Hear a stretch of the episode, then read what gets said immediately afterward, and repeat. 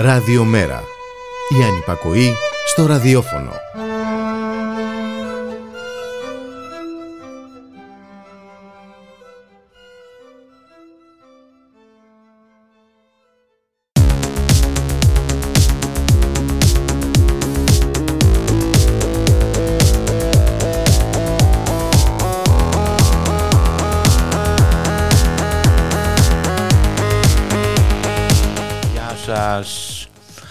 Ένα παρλαφούς ξεκινάει σήμερα με την Πάολα Ρεβενιώτη. Στην αρχισυνταξία ο Τάκης Κουρκουρίκης και στον ήχο η Χαρά Στόκα.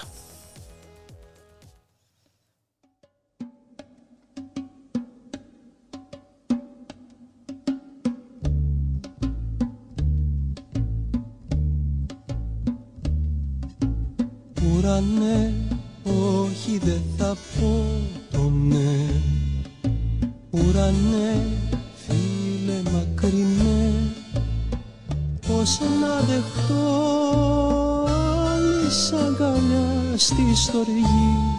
Πώς να δεχτώ μάνα μου είναι η γη Πώς να αρνηθώ τη ζωή στο φως το ξανθώ. Αχ ουρανέ, πόνε μακρινέ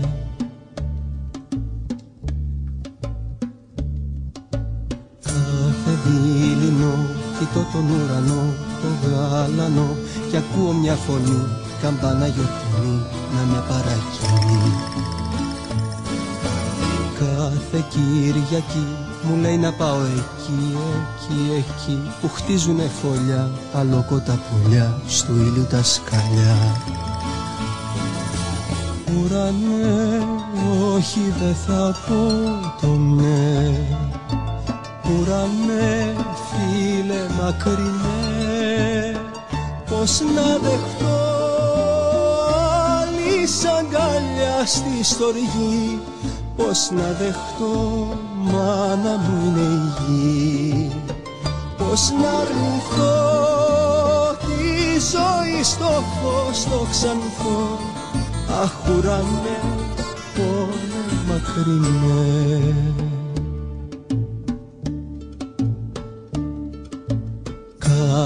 δίληνο κοιτώ τον ουρανό, το γάλανο και μια φωνή τρελή σαν χάδι και απειλή κοντά της με καλή.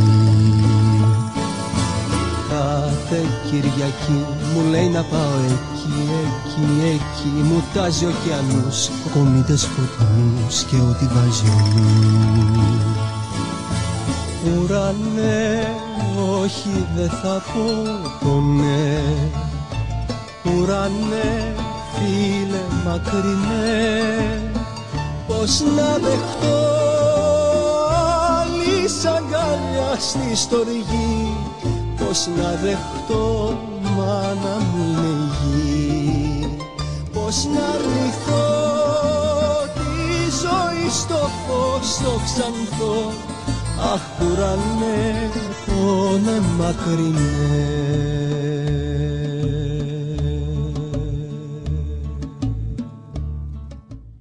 σημερινή εκπομπή σκέφτηκα να ασχοληθώ με μια πικρή και σκοτεινή σελίδα της σύγχρονης ελληνικής ιστορίας, τα Δεκεμβριανά. Και δεν θα μπορούσα να έχω καλύτερο καλεσμένο από τον ιστορικό και συγγραφέα Γιώργο Αλεξάτο για να μας μιλήσει για το συγκεκριμένο θέμα. Σε ευχαριστώ που ήρθες σήμερα εδώ. Και εγώ σε ευχαριστώ Πάολα για την πρόσκληση. Ελπίζω να κάνουμε μια καλή κουβέντα. Εγώ δεν ξέρω και πολλά πράγματα για τα Δεκεμβριανά. Ό,τι έχω διαβάσει και ό,τι έχω μάθει από σένα ναι, θα μάθω και ελπίζω να μάθουν και τα νέα παιδιά γιατί δεν μιλάμε για αυτά. Κοίταξε, είναι κατανοητό. Κοντεύει ένας αιώνας πλέον από τότε. Δηλαδή τα σημερινά παιδιά έχουν γεννηθεί, οι 20χρονοι σημερινοί έχουν γεννηθεί 60 χρόνια μετά τα Δεκεμβριανά. Τα θεωρούν αρχαιότητα. Ε, φυσικά είναι σαν να έχουν γεννηθεί σε μια εποχή περίπου εγώ γεννήθηκα το 56, σαν να, σαν να μου λέγανε για γεγονότα του τέλους του 19ου αιώνα. Είναι πολύ αρχαία πράγματα. Και, Λογικό είναι. Και είναι ένα γεγονός που ακόμη και σήμερα οι πληγές του μας τραυματίζουν.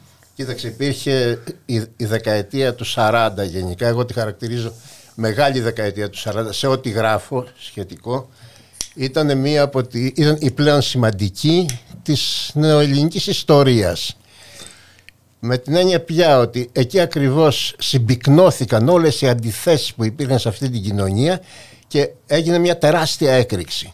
Είναι μια δεκαετία στην οποία σημαδεύεται από τι; Επίθεση των Ιταλών, απόκριση επίθεσης. Ε, επίθεση της Γερμανίας, των Γερμανών. Κατοχή, αντίσταση. Ε, απελευθέρωση, δεκεμβριανά. Και στη συνέχεια εμφύλιος πόλεμος. Αυτός ο λαός πολέμαγε από το 1940 μέχρι το 1949 επί μια δεκαετία. Έζησε πείνα, δυστυχία, φτώχεια. Να αναφέρω ένα στοιχείο χαρακτηριστικό. Ο, ήταν κάτι το οποίο το είχα ψάξει τελευταία για επα, επακριβή στοιχεία γιατί κάτι γράφω και σχετικό και ο ελληνικός πληθυσμός μεταξύ 40 και 50 αυξήθηκε κατά 250.000 άτομα. Τα 150.000 περίπου τώρα χοντρικά έτσι μιλάμε ήταν οι κάτοικοι της Δωδεκανήσου που προσθέθηκε στο ελληνικό κράτος που δεν υπήρχε το 40. Προσθέθηκε, ενσωματώθηκε το 47. Αύξηση 100.000. Στην προηγούμενη δεκαετία η αύξηση του πληθυσμού ήταν 700.000. Υπολογίζεται δηλαδή ε, σε αυτόν τον τόπο υπήρξε πολύ μεγάλη αφέμαξη. Δεν ήταν οι εκτελέσεις μόνο, δεν ήταν η θάνατοι από πείνα, ήταν οι αρρώστιες, ήταν γενικά ε, μια συνολικότερη κατάσταση που αυτή ήταν η δεκαετία του 40 και γι' αυτό ακριβώς ήταν τραγική. Συνάμα ήταν και επική. Ε, κεντρική στιγμή, μία από τις κεντρικές στιγμές ε, αυτής της μεγάλης δεκαετίας ήταν και ο Δεκέμβρη του 1944. Ε, γιορτάζαμε νομίζω την απελευθέρωση της Αθήνας. Τι έγινε και μετά από δύο μήνες; Ξεσπάσαν. Και λιγότερα από δύο μήνες, ένα μισή μήνα. Ναι. 110 νεκροί νομίζω ήταν. Όχι, για λιγότεροι στα Δεκεμβριανά την ημέρα εκείνη, στο Σύνταγμα. Που όχι, όχι, πολύ λιγότερη. λιγότερη. Πολύ λιγότερη. Η... η απελευθέρωση έγινε κάτω από πολύ συγκεκριμένους όρους. Η Ελλάδα είχε μία ιδιομορφία στην περίοδο της κατοχής. Το ότι στην Ελλάδα συγκροτήθηκε ένα γιγάντιο κίνημα αντίστασης, το οποίο μπορεί να συγκριθεί από την άποψη της μαζικότητας του ένοπλου τμήματός του, του Ελλάς, μόνο με το Ιουγκοσλάβικο κίνημα και το Αλβανικό. Στην Ελλάδα όμως υπήρχε και μια ιδιομορφία πια ότι αυτό συνδεόταν και με ένα τεράστιο μαζικό λαϊκό κίνημα. Δεν ήταν απλώς αντάρτες στα βουνά. Η, Ελλάδα, η, το, η ελληνική αντίσταση δεν ήταν μόνο γοργοπόταμος και μάχες. Ήταν και μαζικές απεργίες, ήταν συλλαλητήρια, ήταν κινητοποιήσεις. Ε, υπάρχει ένα τραγούδι, ο ύμνος του ΕΑΜ, που λέει το αίμα από την πείνα θα μας σώσει και από τη σκλαβιά. Τι ήταν, έδωσε τη μάχη της επιβίωσης του λαού. Οργάνωσε το λαό στις πόλεις, στα χωριά, να διεκδικήσει το δικαίωμά του να ζήσει, να επιβιώσει. Και εκεί κέρδισε. Η Ελλάδα λοιπόν στην περίοδο της κατοχής, όπως ήταν φυσικό, άρχισε να... Ε, ε, ήταν ένα σημείο στο οποίο άρχισε η έκρηξη των αντιθέσεων. Γιατί; Γιατί για πρώτη φορά χάρη στο ΕΑΜ ο απλός λαϊκός κόσμος, τα φτωχά λαϊκά στρώματα, εργάτες, αγρότες, μικροϊδιοκτήτε, ο τσαλαπατημένος μέχρι τότε κόσμος, άρχισε να νιώθει ότι έχει δύναμη στα χέρια του. Ότι μπορεί να αλλάξει τη ζωή του. Αυτό ήταν το εαμικό κίνημα. Απέναντι σε τι, απέναντι σε μια αστική τάξη, στο ελληνικό κεφάλαιο και τους πολιτικούς εκπροσώπους, οι οποίοι τι κάνανε. Είτε την κοπανίσανε για το Κάιρο, είτε έμειναν εδώ αδρανείς, είτε συνεργάστηκαν με τους κατακτητές. Δηλαδή η στάση του αστικού πολιτικού κόσμου των παλιών βενιζελικών, αντιβενιζελικών, βασιλικών κλπ. ήταν στάση είτε φυγής, είτε αδράνειας, είτε δοσιλογισμού. Ακριβώς αυτό είχε ως συνέπεια για το φτωχό λαϊκό κόσμο, δηλαδή τη μεγάλη πλειονότητα του ελληνικού λαού, το να πυκνώσει τις γραμμές του ΕΑΜ. Φτάνουμε στην απελευθέρωση. Απελευθερώνεται η Ελλάδα. Το ΕΑΜ έχει κάνει συμφωνία, έχει συμμετάσχει σε μια κυβέρνηση εθνικής ενότητας για να αποφύγει τον εμφύλιο πόλεμο, τον εμφύλιο σπαραγμό. Έρχεται η κυβέρνηση στην Αθήνα με επικεφαλής τον Γιώργιο Παπανδρέου. Γίνεται απελευθέρωση, έρχεται η κυβέρνηση, μαζί έρχονται και βρετανικά στρατεύματα. τα οποία τα είχε δεχτεί το ΕΑΜ ακριβώς γιατί συνεχιζόταν ο συμμαχικός πόλεμος κατά της ναζιστικής Γερμανίας και δεν ήθελε το ΕΑΜ και το ΚΚΕ που ήταν η κύρια δύναμη μέσα στο ΕΑΜ να δείξει ότι θέλει να υπονομεύσει τον συμμαχικό πόλεμο. Είναι σύμμαχοί μας, ας έρθουν λοιπόν και αυτοί εδώ. Και δεν είχαν παραδοθεί ακόμη οι Γερμανοί. Δεν είχε οι Γερμανοί φύγανε τις 12 Οκτωβρίου από την Αθήνα, η κυβέρνηση ήρθε στις 18. Οι Γερμανοί άρχισαν να φεύγουν από τις αρχές του Σεπτέμβρη και η αποχώρησή τους ολοκληρώθηκε το αρχές Νοεμβρίου εκτός από ένα μέρος της Κρήτης όπου μείναν μέχρι το Μάιο. Η, όταν ήρθε η κυβέρνηση Παπαντρέου στην Αθήνα είχαν φύγει οι Γερμανοί. Η βασική κατηγορία που στρέφεται κατά του ΚΚΕ είναι ότι το ΚΚΕ τα έκανε όλα αυτά για να πάρει την εξουσία. Αυτό είναι ένα μεγάλο ψεύδος και αποδεικνύεται ακριβώς εκείνες τις μέρες όπου δεν υπήρχε καμιά κυβέρνηση στην Αθήνα. Ότι το ΚΚΕ ήταν πανίσχυρο, δηλαδή ήταν πανίσχυρος ο, ο Ελλάς, ο στρατός του. Θα μπορούσε θαυμάσια να πάρει την εξουσία στην Αθήνα. Δεν το έκανε. Δεν το έκανε. Περίμενε να έρθει η κυβέρνηση στην οποία συμμετείχε, η κυβέρνηση Εθνικής Ενότητας. Πώς φτάνουμε στο Δεκέμβρη; Εκεί είναι ένα πολύ μεγάλο ζήτημα. Μπορεί η αριστερά, το ΕΑΜ, το ΚΚΕ, να επιδίωκε την αποφυγή ενός εμφυλίου, δεν έκανε το ίδιο και ο αντίπαλος. Γιατί δεν το έκανε; Για το λόγο ότι αν υπήρξε ομαλή δημοκρατική εξέλιξη, αν υπήρχε στη συνέχεια, ήταν δεδομένο με τους συσχετισμούς που υπήρχαν ότι το ΕΑΜ θα γινόταν νόμιμα η κυβέρνηση της χώρας. Άρα θα δρομολογούνταν διαδικασίες κοινωνικού μετασχηματισμού στην Ελλάδα με την δημοκρατική νομιμοποίηση από τον ελληνικό λαό. Αυτό ήθελαν να αποφύγουν. Να ακούσουμε ένα τραγουδάκι και να συνεχίσουμε μετά.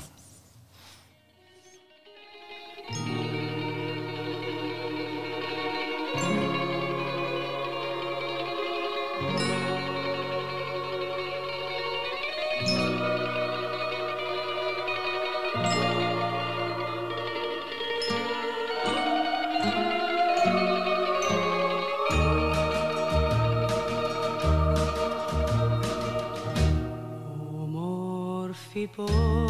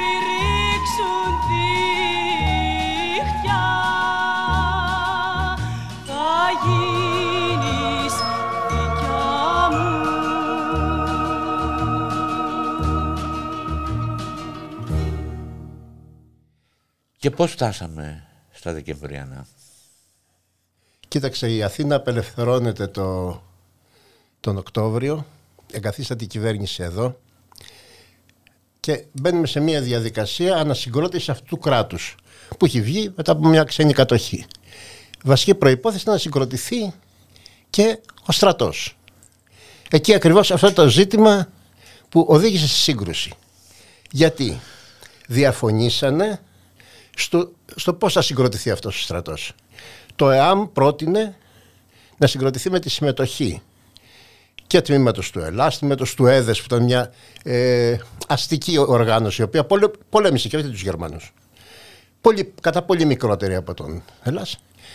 Οι Εγγλέζοι ήθελαν να συγκροτηθούν τμήματα του στρατού και από δυνάμεις που ήταν στη Μέση Ανατολή, τις οποίες ελέγχαν αυτοί, ήταν φιλοβασιλικές στην πραγματικότητα, έτσι ώστε να υπάρχει υπεροχή στο καινούργιο στρατό που θα φτιαχνόταν, τον εθνικό στρατό, υπεροχή των αστικών δυνάμεων έναντι των δυνάμεων του Ελλάς. Φυσικά κάτι τέτοιο δεν ήταν δυνατόν να το δεχτεί το, το ΚΚΕ, το ΕΑΜ και στο τέλος του Νοεμβρίου ο Σκόμπι, ο Σκόμπι ποιος ήταν; Ήταν ο επικεφαλής των Βρετανικών δυνάμεων στην Ελλάδα, ο στρατηγός Σκόμπι. Ε, διέταξε τη διάλυση των αντάρτικων δυνάμεων, άρα και του Ελλάς και της συγκρότησης του στρατού της 10 Δεκεμβρίου. Οι υπουργοί του ΕΑΜ παρετήθηκαν, κάλεσαν τον κόσμο σε συγκέντρωση, κάλεσε το ΕΑΜ, σε συγκέντρωση στην πλατεία Συντάγματος για την Κυριακή 3 Δεκεμβρίου, συγκέντρωση διαμαρτυρίας, η συγκέντρωση απαγορεύτηκε, το ΕΑΜ την πραγματοποίησε και έγινε επίθεση στον κόσμο, στο συγκεντρωμένο κόσμο, από τη Μεγάλη Βρετάνια το ξενοδοχείο, από δυνάμεις αστυνομίας, από ό,τι αποκαλύφθηκε εκ των υστέρων. Με επικεφαλής στον Άγγελο Εύερτ, το τότε διοικήτη της αστυνομίας. Νεκροί, κλήθηκε ο κόσμος, διαλύθηκε φυσικά ο κόσμος. Την άλλη μέρα θα γινόταν η κηδεία των θυμάτων Πάλι μαζεύτηκε ο κόσμος της Αθήνας να κυδεύσει τα θύματα. Ξανά επίθεση. Αυτή τη φορά από ταγματασφαλίτες. Δεν είναι ταγματασφαλίτες. Ήταν αυτοί οι οποίοι είχαν εξοπλιστεί στην κατοχή από τους Γερμανούς για να πολεμάνε το κίνημα, να πολεμάνε το κίνημα της αντίστασης. Δεν τους είχαν αφοπλίσει αυτού. Αυτούς τους είχαν. Τα, τάχαμ τους είχαν αφοπλίσει. Στην πραγματικότητα τους κρατάγανε ως εφεδρεία γιατί ακριβώς οι Εγγλέζοι απέβλεπαν στο ότι θα υπάρξει μια τέτοια σύγκρουση. Οπότε ως από συνέπεια αυτών των γεγονότων ο Έλλας κατέλαβε τα αστυνομικά τμήματα όλης της Αθήνας, επικράτησε παντού σε όλες τις λαϊκές συνοικίες. Ούτως ή άλλως ήταν κυρίαρχος ο Ελλάς. Ε, είχε μείνει ένα πολύ μικρό τμήμα στο κέντρο της Αθήνας, η λεγόμενη Σκομπία. Από το όνομα του Σκομπία ήταν το Κολονάκι και η περιοχή γύρω από την πλατεία Συντάγματος. Η... Και εκεί βρέθηκε αντιμέτωπος ο Ελλάς, ο οποίος Ελλάς της Αθήνας ήταν εξαιρετικά ισχυρός, αυτό που είπα και στην αρχή ότι η Ελλάς αντίσταση στην Ελλάδα δεν ήταν μόνο το Αντάρτικο στα βουνά. Και δεν ήταν μόνο τα μαζικά κινήματα οι εργατικές οργανώσεις, οι αγροτικές. Ήταν και ένοπλοι ένοπλα τμήματα του Ελλάς στις πόλεις. Η, ο Ελλάς της Αθήνας βρέθηκε αντιμέτωπος με, τους, με την αστυνομία, τη χωροφυλακή με τα τάγματα ασφαλείας, τους γερμανοντημένους δηλαδή δοσύλλογους οι οποίοι εξοπλίστηκαν από τους Εγγλέζους για να πολεμήσουν τον Ελλάς και βέβαια με τα εγγλέζικα στρατεύματα τα οποία ενισχύονταν καθημερινά από το μέτωπο της Ιταλίας. Δηλαδή στην Ιταλία συνεχιζόταν ο πόλεμος κατά των Γερμανών.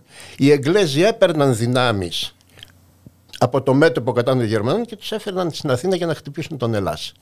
Αυτό είχε ως αποτέλεσμα ενώ στις πρώτες μέρες οι δυνάμεις του Ελλάς ήταν, έδιναν νικηφόρες μάχες. Από ένα σημείο και πέρα ο συσχετισμός άλλαξε εντελώς μεταξύ των δύο πλευρών έτσι ώστε από τα μέσα του Δεκεμβρίου να γέρνει προς την πλευρά των Εγγλέζων.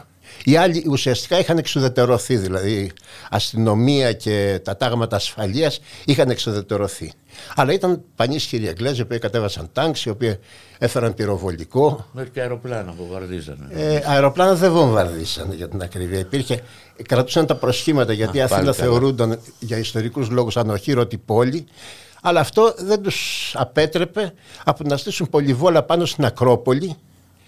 Μιλάμε για ανατρεχιαστικές καταστάσεις. Ξέροντας ότι την Ακρόπολη ο Ελλάς θα τη χτύπαγε.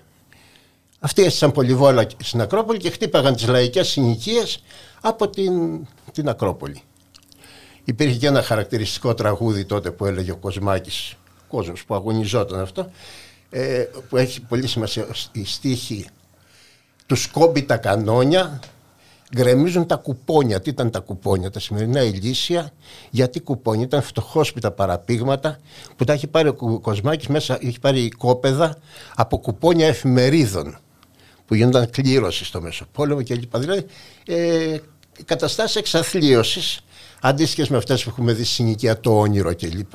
Ε, τέτοιου συνοικισμού κατεδάφιζε ο Σκόμπι και οι Εγγλέζοι Έφτασε να έρθει και ο ίδιος ο Τσόρτσιλ. Τέτοια, τέτοια βαρύτητα έδιναν στην αναμέτρηση αυτή. Γιατί έδινε τέτοια βαρύτητα ο Τσόρτσιλ; Για το λόγο η εξαιρετικά σημαντική ερώτηση που έχει να κάνει και συνολικά στο γιατί οι Άγγλοι ανακατεύθυναν και έδιναν συνολικά βαρύτητα. Ε, να, να πω από ό,τι έχω διαβάσει ότι ε, κατηγορηθήκανε και μέσα στην Αγγλία οι Άγγλοι γιατί συνεργαστήκανε με, με ανθρώπους οι οποίοι ήταν συνεργάτες των Γερμανών. Βέβαια, υπήρχε ένα κλίμα στην Αγγλία κατά του Σκόμπι, κατά της επέμβασης στην Ελλάδα, γιατί και στην Αγγλία και σε ολόκληρη την Ευρώπη, ότι οι Εγγλέζοι χτυπάνε τελικά το κίνημα της αντίστασης και συνεργάζονται με τους συνεργάτες των κατακτητών στην Ελλάδα. Η, για την Αγγλία η Ελλάδα είχε τεράστια σημασία. Είχε τεράστια σημασία γιατί η, η Αγγλία ήταν, εξακολουθούσε να είναι, βέβαια μετά από λίγα χρόνια έπαψε να είναι, μια μεγάλη αυτοκρατορία η Ελλάδα ήταν στρατηγικό σημείο στην Ανατολική Μεσόγειο από όπου πέρναγε ο δρόμος των Εγγλέζων για τις Ινδίες, οι οποίες ήταν απικία των Εγγλέζων. Και επίσης για τη Μέση Ανατολή με τα πετρέλα και λοιπά που θέλαν να τα ελέγχουν. Οπότε έδιναν πολύ μεγάλη βαρύτητα στην Ελλάδα. Επίσης η Ελλάδα από την γεωγραφική θέση που έχει έκλεινε το δρόμο της Σοβιετικής Ένωσης για κάθοδο προς τη Μεσόγειο. Οπότε στρατηγικοί λόγοι, γεωστρατηγικοί γεωπολιτικοί λόγοι υποχρέωναν τους Βρετανούς να υπερασπίζονται πάση θυσία τη δυνατότητά τους να έχουν λόγο στην Ελλάδα. Ξέραν ότι μια ενδεχόμενη νίκη του ΕΑΜ μέσα από δημοκρατικές διαδικασίες, αυτά που είπαμε ότι εδώ θα κέρδιζε, δεν υπήρχε περίπτωση, ε, θα είχε ως συνέπεια την, μια, την κατάκτηση της ανεξαρτησίας της Ελλάδας, κατά συνέπεια δεν θα είχαν λόγο σε αυτόν τον τόπο. Αυτός ήταν ο λόγος ακριβώς που έφτασαν σε σημείο να συνεργαστούν ακόμη και με τους συνεργάτες των Γερμανών, προκειμένου να κρατηθεί η Ελλάδα. Να ακούσουμε ένα τραγουδάκι.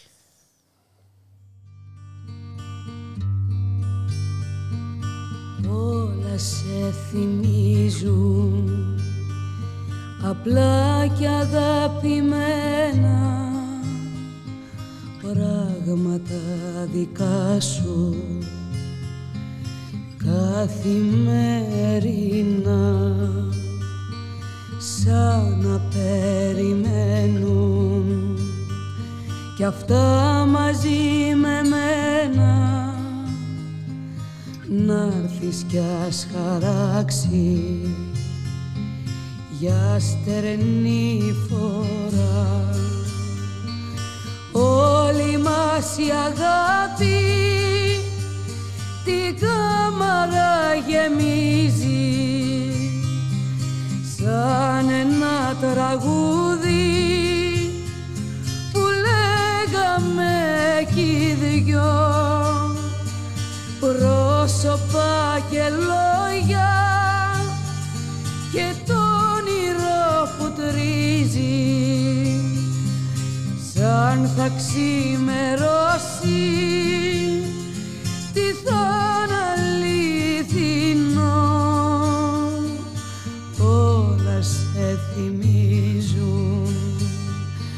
απλά και αγαπημένα.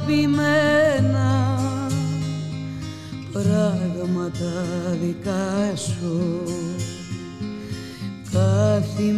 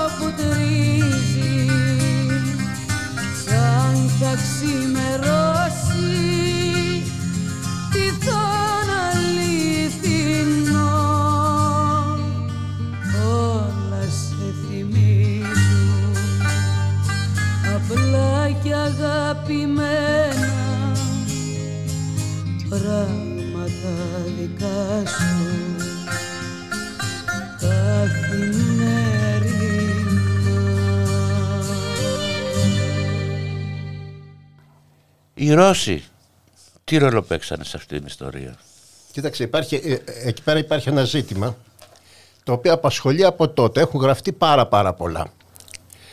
Οι, οι Σοβιετ... ας μην ξεχνάμε ότι τα Δεκεμβριανά γίνονται ενώ δεν έχει τελειώσει ακόμη ο Δεύτερος Παγκοσμίος Πόλεμος. Μάλιστα, τα Δεκεμβριανά ξεσπάνε σε μια κρίσιμη στιγμή κατά την οποία οι Ναζί έχουν περάσει σε αντεπίθεση στο δυτικό μέτωπο. Στην περίφημη μάχη των Αρδενών. Αντεπιτίθενται στα αγγλο-αμερικανικά στρατεύματα τα οποία έχουν φτάσει στα πρόθυρα της Γερμανίας και είναι έτοιμα να εισβάλλουν.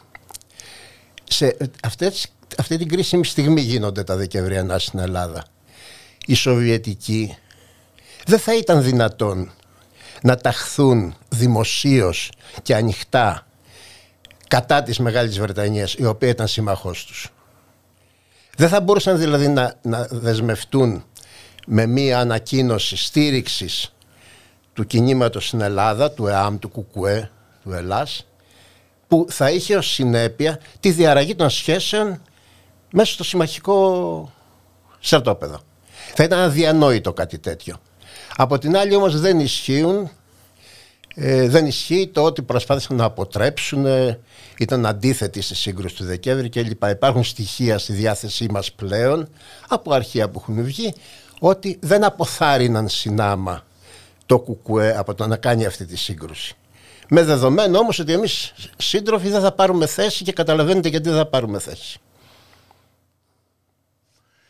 Και μετά; Οι... Μετά οι συσχετισμοί. Οι συσχετισμοί εντε- ήταν εντελώς αρνητικοί.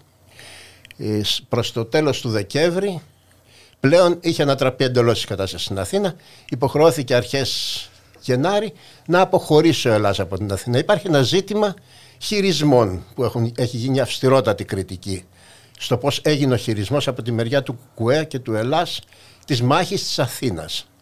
Τι δηλαδή; Στο ότι γιατί δεν κινητοποιήθηκε το σύνολο των δυνάμεων του Ελλάς να κατεβούν δυνάμεις πρόσθετες στην Αθήνα και να βοηθήσουν τον Ελλάς της Αθήνας.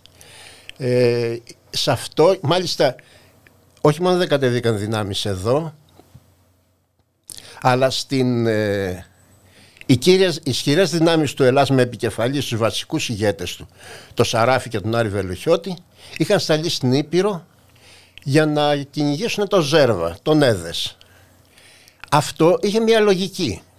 Ποια ήταν η λογική. Εκ των υστέρων ξέρουμε ότι δεν συνέβη κάτι τέτοιο, αλλά τότε δεν μπορείς να, μην το ξέ, να, το, να ξέρεις ότι δεν θα συμβεί. Η, υπήρχε ο φόβος να γίνει βρετανική απόβαση από την Ιταλία στην Ήπειρο και να πλαγιοκοπηθούν οι δυνάμεις του. Οπότε ο Έ- Έδες εκεί θα ήταν στήριο, θα, ήταν- θα υπήρχε προγεφύρωμα κλπ. Ε, δεν συνέβη κάτι τέτοιο. Γιατί όμως δεν ε, μ, συγκέντρωσε δυνάμεις κατά των Άγγλων ε, ο Ελλάς στην Αττική, στην Αθήνα. Για το λόγο ότι ακριβώς το ΚΚΕ επιδίωκε με τη Δεκεμβριανή σύγκρουση να ασκήσει πίεση. Παρά τα όσα λέγονται, όπως είπαν ότι ήθελε να πάρει την εξουσία, έτσι, ε, και η απάντηση είναι και γιατί δεν την πήρε τον Οκτώβρη, που δεν, η εξουσία σέρνονταν στους δρόμους. Και επίσης η απάντηση είναι και γιατί δεν γεννήκευσε τον πόλεμο το Δεκέμβρη που θα, θαυμάσια. Οι άλλοι ήταν απομονωμένοι, έτσι στη σκομπία που είπαμε πριν. Θαυμάσια θα μπορούσε να πάρει την εξουσία. Δεν επιδίωκε να πάρει την εξουσία. Επιδίωκε να ασκήσει πίεση στους Βρετανούς έτσι ώστε να καθίσει στο τραπέζι της διαπραγμάτευσης και να υπάρξουν εγγυήσεις ότι θα φτιαχτεί ένας στρατός που να είναι πραγματικά εθνικός με την έννοια να εκπροσωπούνται όλες οι πολιτικές τάσεις και όλος ο ελληνικός λαός στο εσωτερικό του, να ανοίξουν διαδικασίες, να γίνουν εκλογές, να γίνει δημοψήφισμα για το βασιλιά αν θα έρθει ή δεν θα έρθει στην Ελλάδα, έτσι ώστε να υπάρξει μια πολιτική ομαλότητα στη χώρα. Ακριβώς επειδή επιδίωκε αυτή την ε, διαπραγμάτευση, το συμβιβασμό, γι' αυτό και δεν γεννήκευσε και τον πόλεμο. Η συνέπεια ήταν να χαθεί η μάχη της Αθήνας. Πληρώθηκε πολύ ακριβά αυτή η πολιτική. Θα μπορούσε θαυμάσια κατά τη γνώμη μου και κατά τη γνώμη και άλλων όσων έχουν ασχοληθεί με το ζήτημα αυτό. Υπήρχαν, υπήρχε η δυνατότητα να πάρει πραγματικά την εξουσία και εκείνες τις μέρες. Οι Αμερικανοί τι ρόλο παίξανε σε αυτό; Οι, οι Αμερικάνοι ακολουθούσαν, εξακολουθούσαν, εξακολουθούσαν να ακολουθούν την πολιτική του Ρούσβελτ που απέβλεπε ως είχε ως κύριο στόχο τη διατήρηση του αντιαξονικού, του αντιφασιστικού, της αντιφασιστικής συμμαχίας. Κατά συνέπεια οι Αμερικάνοι στην πραγματικότητα αποδοκίμαζαν όχι δημοσίως, θα ήταν δύσκολο κάτι τέτοιο όπως ακριβώς οι Σοβιετικοί δεν πήραν δημόσια θέση, έτσι και οι Αμερικάνοι δεν πήραν, αλλά στην πραγματικότητα αποδοκίμαζαν την, την Βρετανική εμπλοκή στα εσωτερικά της Ελλάδας. Να ακούσουμε ένα τραγουδάκι και να συνεχίσουμε. συννεφάκι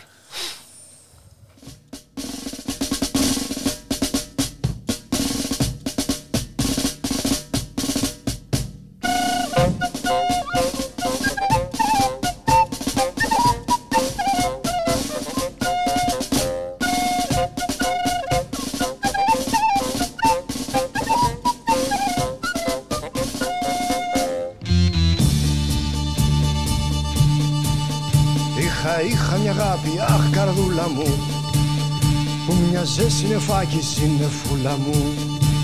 Σαν συννεφά συννεφάκι φεύγει ξαναγυρνάει Μ' αγαπάει τη μια την άλλη με ξεχνάει. Και ένα βράδυ και ένα βράδυ βράδυ Αχ καρδούλα μου διώχνω ξαφνικά τη συννεφούλα μου. Δεν αντέχω δεν αντέχω άλλο πια να με γελάει. Μ' αγαπάει τη μια την άλλη με ξεχνάει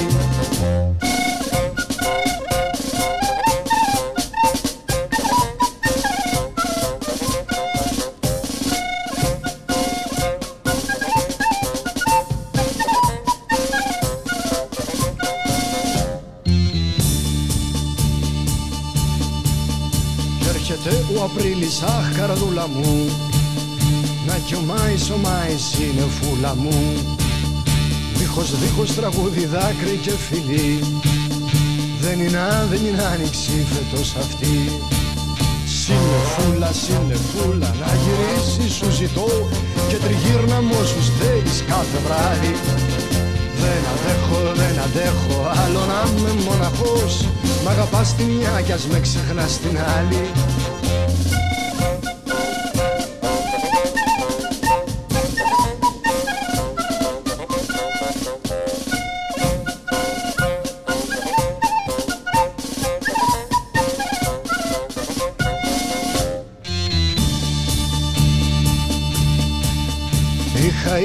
αγάπη αχ καραδούλα μου που μοιάζε συνεφάκι συνεφούλα μου σαν συνεφά συνεφάκι φεύγει ξαναγυρνάει μ' αγαπάει τη μια την άλλη με ξεχνάει λα λα λα λα λα λα λα λα λα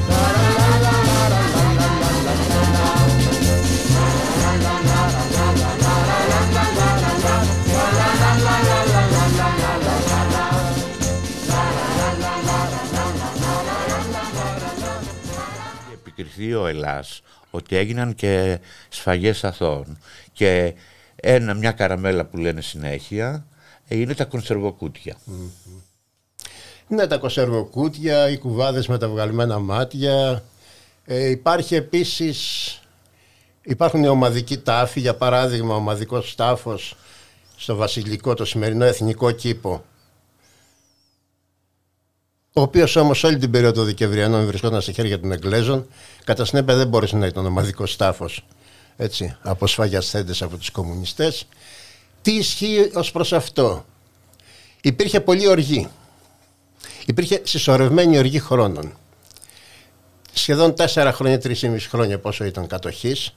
Και πείνας. Έτσι, πείνας, δυστυχίες εκτελέσεων, καταδόσεων. Οι κουκουλοφόροι, οι οποίοι έδιναν έτσι, στα μπλόκα έδιναν κόσμο οι μαυραγορείτες, έτσι.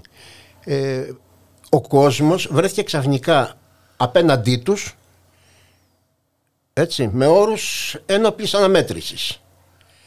Ε, δεν ήταν οργανωμένα από τον Ελλάς πάρα πολλά αυτά που έγιναν.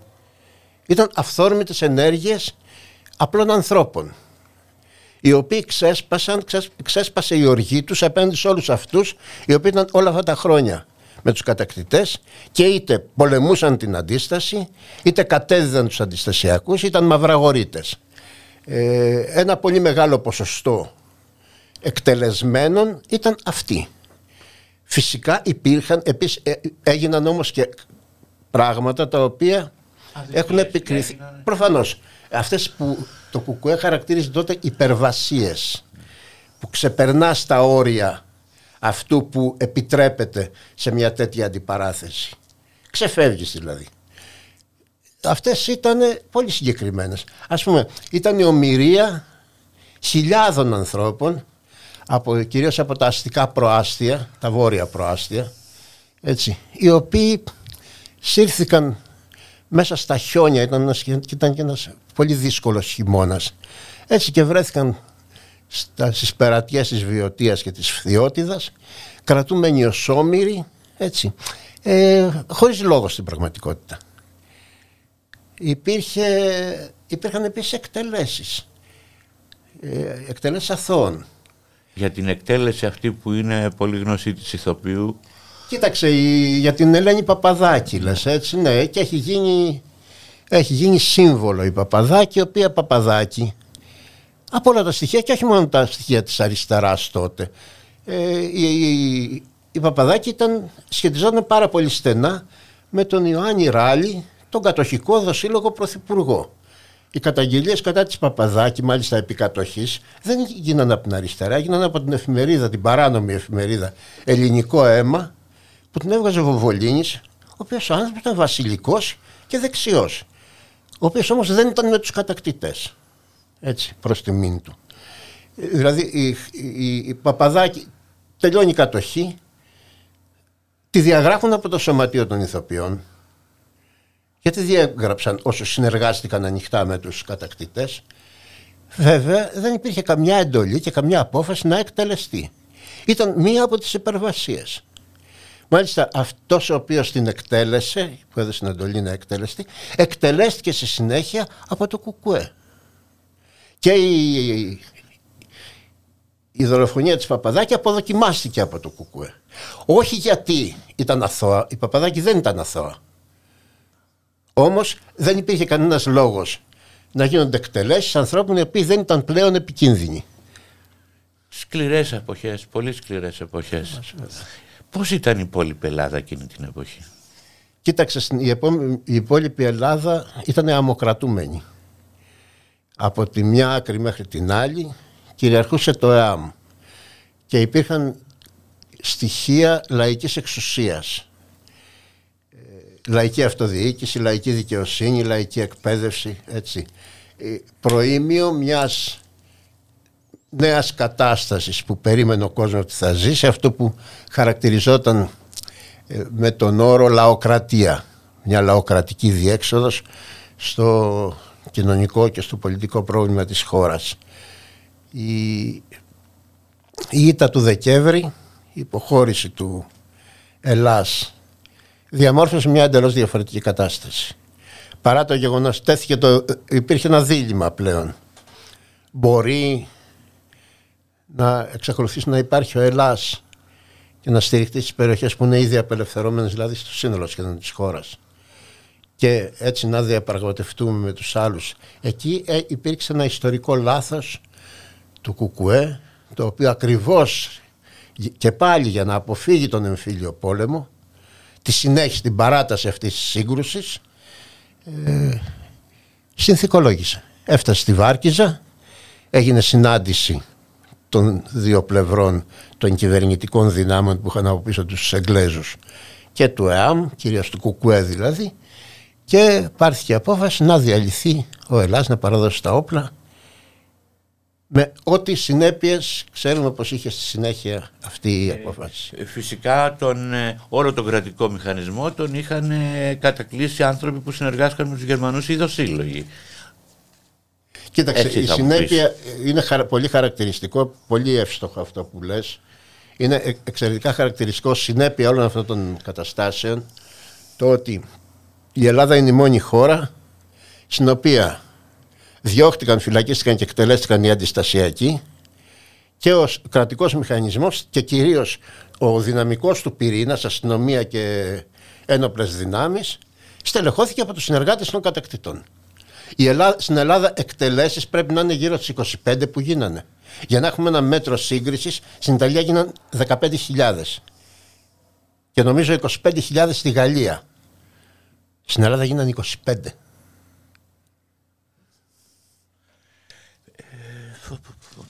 τώρα να μαθαίνω κι εγώ. Ποιες ήταν οι συνέπειες της ήττας του Ιάλα όμως; Και οι συνέπειες ήταν ακριβώς η, επιβολή ενός καθεστώτος τρομοκρατίας. Αν μελετήσει κάποιος, κάνει μια ρίξει μια ματιά προς τα πίσω στην περίοδο εκείνη από το 45-46 ε, μιλάμε για μια περίοδο άγριας τρομοκρατίας που είναι ανάλογη με, την, με τις καταστάσεις που έζησε αυτός ο λαός στα χρόνια της κατοχής. Εκτελέσεις, δολοφονίες. Οι εξορίες ήρθαν αμέσως μετά, από το 47 και μετά.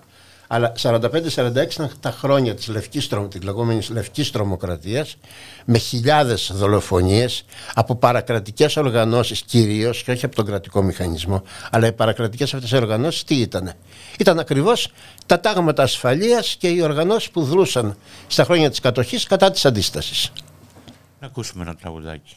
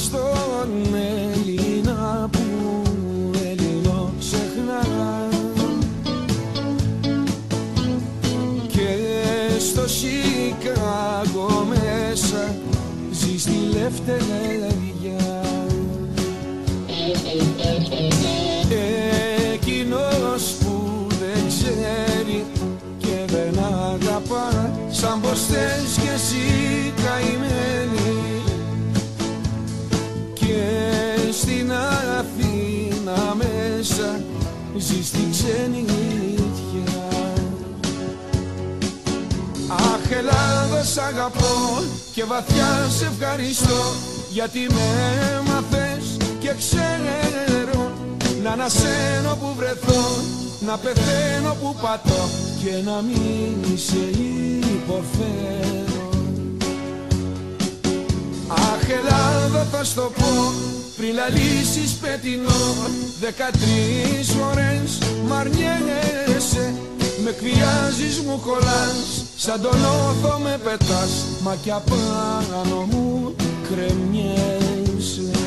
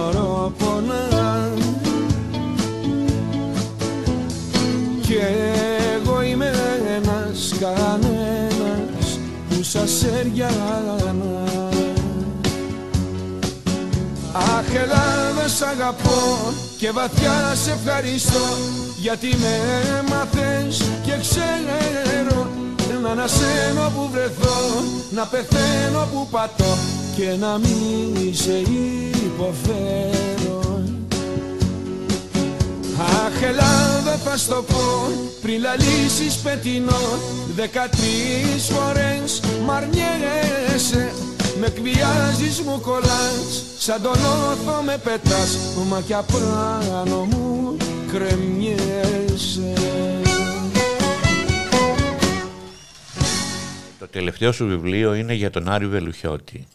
Μπορείς να μας πεις μερικά πράγματα για την προσωπικότητα αυτού του ανθρώπου; Κοίταξε, το, το βιβλίο αυτό γράφτηκε μέσα από την ανάγκη αποκατάστασης στην πραγματικότητα του Άρη απέναντι σε πολλές πλευρές. Και κυρίως απέναντι σε κάποιους οι οποίοι θέλουν να εμφανίσουν τον Άρη σαν, γενικά και αόριστα σαν έναν πατριώτη ο οποίος ούτε λίγο ούτε πολύ ε, φόρεσε τη φουστανέλα και πήγε να πολεμήσει το, τους ξένους κατακτητές. Ο Άρης Βελιχέτης ήταν κομμουνιστής. Ήταν στέλεχος του Κουκουέ. Ό,τι έκανε το έκανε σε συνεργασία με το Κουκουέ και εκτελούσε εντολές του Κουκουέ. Ακόμα και όταν πήγε να διερευνήσει τη δυνατότητα το 1941 ε, στη Ρούμελη αν υπάρχει δυνατότητα ανάπτυξης αντάρτικου κινήματος με εντολή του Κουκουέ πήγε. Ε, ο Άρης ένας άνθρωπος σκληραγωγημένος από τα όσα είχε περάσει ως αγωνιστής προπολεμικά του Κουκουέ και ένας άνθρωπος βαθιά λαϊκός, δεμένος με αυτό το, το λαό ε, ηγήθηκε στην πραγματικότητα ενός κινήματος του Ελλάς στη στερεά Ελλάδα ε, σε καταπληκτικές ικανότητες, όχι μόνο στρατιωτικές, αλλά και σύνδεσης με αυτό το λαϊκό κόσμο, την ικανότητα να εκφράζει τις άμεσες ανάγκες αυτού του κόσμου και να το συνδέει, να τις συνδέει με την προοπτική του κοινωνικού μετασχηματισμού άλλων καλύτερων ημερών της λαοκρατίας. Αυτός ήταν και ο λόγος που ο Άρης ήρθε σε σύγκρουση με το κόμμα, με το Κουκουέ ε, αμέσως μετά την, ε, σε ανοιχτή σύγκρουση, αμέσως μετά τη Βάρκιζα. Το γεγονός δηλαδή ότι αποφασίστηκε η, παράδε, η διάλυση του Ελλάς και η παράδοση των όπλων ε, έκανε τον Άρη να αντιταχθεί γιατί ακριβώς πρόβλεψε αυτό που θα γινόταν και αυτό που έγινε. Τις διώξεις κατά των αγωνιστών της αντίστασης και τις εγκαθίδρυσης ενός καθεστώτος στο οποίο θα είχαν τον κύριο λόγο οι άλλοι και η αριστερά και το λαϊκό κίνημα και ο κόσμος της αντίστασης θα ήταν υποδιωγμό. Είναι αλήθεια ότι και ο Τσόρτσιλ είχε διατάξει να εξοδοθεί ο Βελουχιώτης; Κοίταξε, αυτό που ξέρουμε, κάποια στοιχεία που μπορεί να έχουμε υπόψη, είναι ότι τον Οκτώβρη του, του 1944 τον είχε στοχοποιήσει ως έναν από τους βασικούς εχθρούς της Μεγάλης Βρετανίας στην Ελλάδα. Τώρα, για η εντολή για εξόντωση δεν έχω υπόψη μου. Να ακούσουμε ένα τραγουδάκι. Μια φωτοβολίδα μες στη νύχτα σκάει και η καρδιά μου σπάει μες στο φως σε είδα γίναν τα κομμάτια μια καινούρια γη με στην αλλαγή. Βλέπω μαλά μάτια.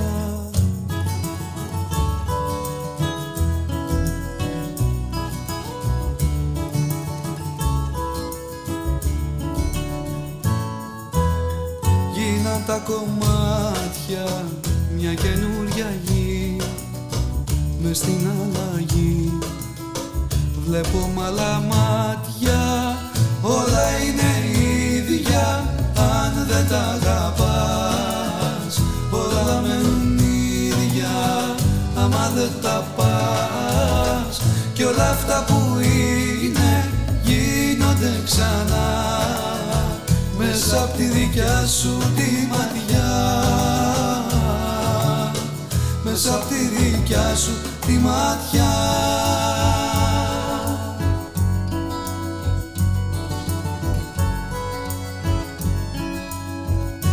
φωτογραφία κομματάκια δυο. Έχω να σε δω χρόνια στη αστεία πιάνω την κολλάω σε ξανακοιτώ. Πιο μόρφη θαρώ δείχνεις μου όσο πάω όλα είναι ίδια αν δεν τα αγαπάς όλα μένουν ίδια άμα δεν τα πας και όλα αυτά που είναι γίνονται ξανά. Μέσα απ' τη δικιά σου τη ματιά. Μέσα απ' τη δικιά σου τη ματιά.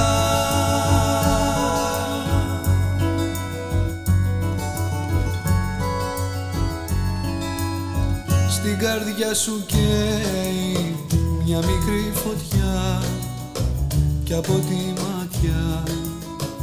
Ένα φως που ρέει σαν φωτοβολίδα μες στη νύχτα σκάει κι ας ξαναγυρνάει πίσω η σελίδα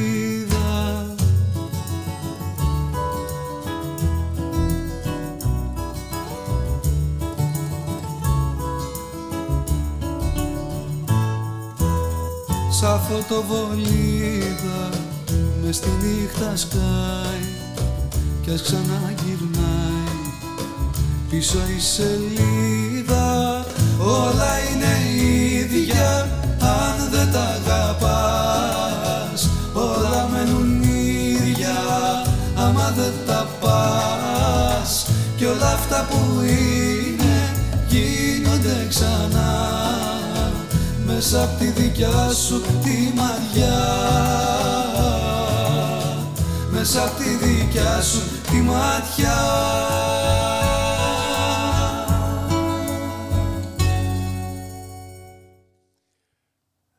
Ποιες νομίζεις ήταν οι συνέπειες των Δεκεμβριανών για τη μετέπειτα ιστορία αυτής της χώρας, της ταλαιπωρημένης χώρας; Ε, βέβαια.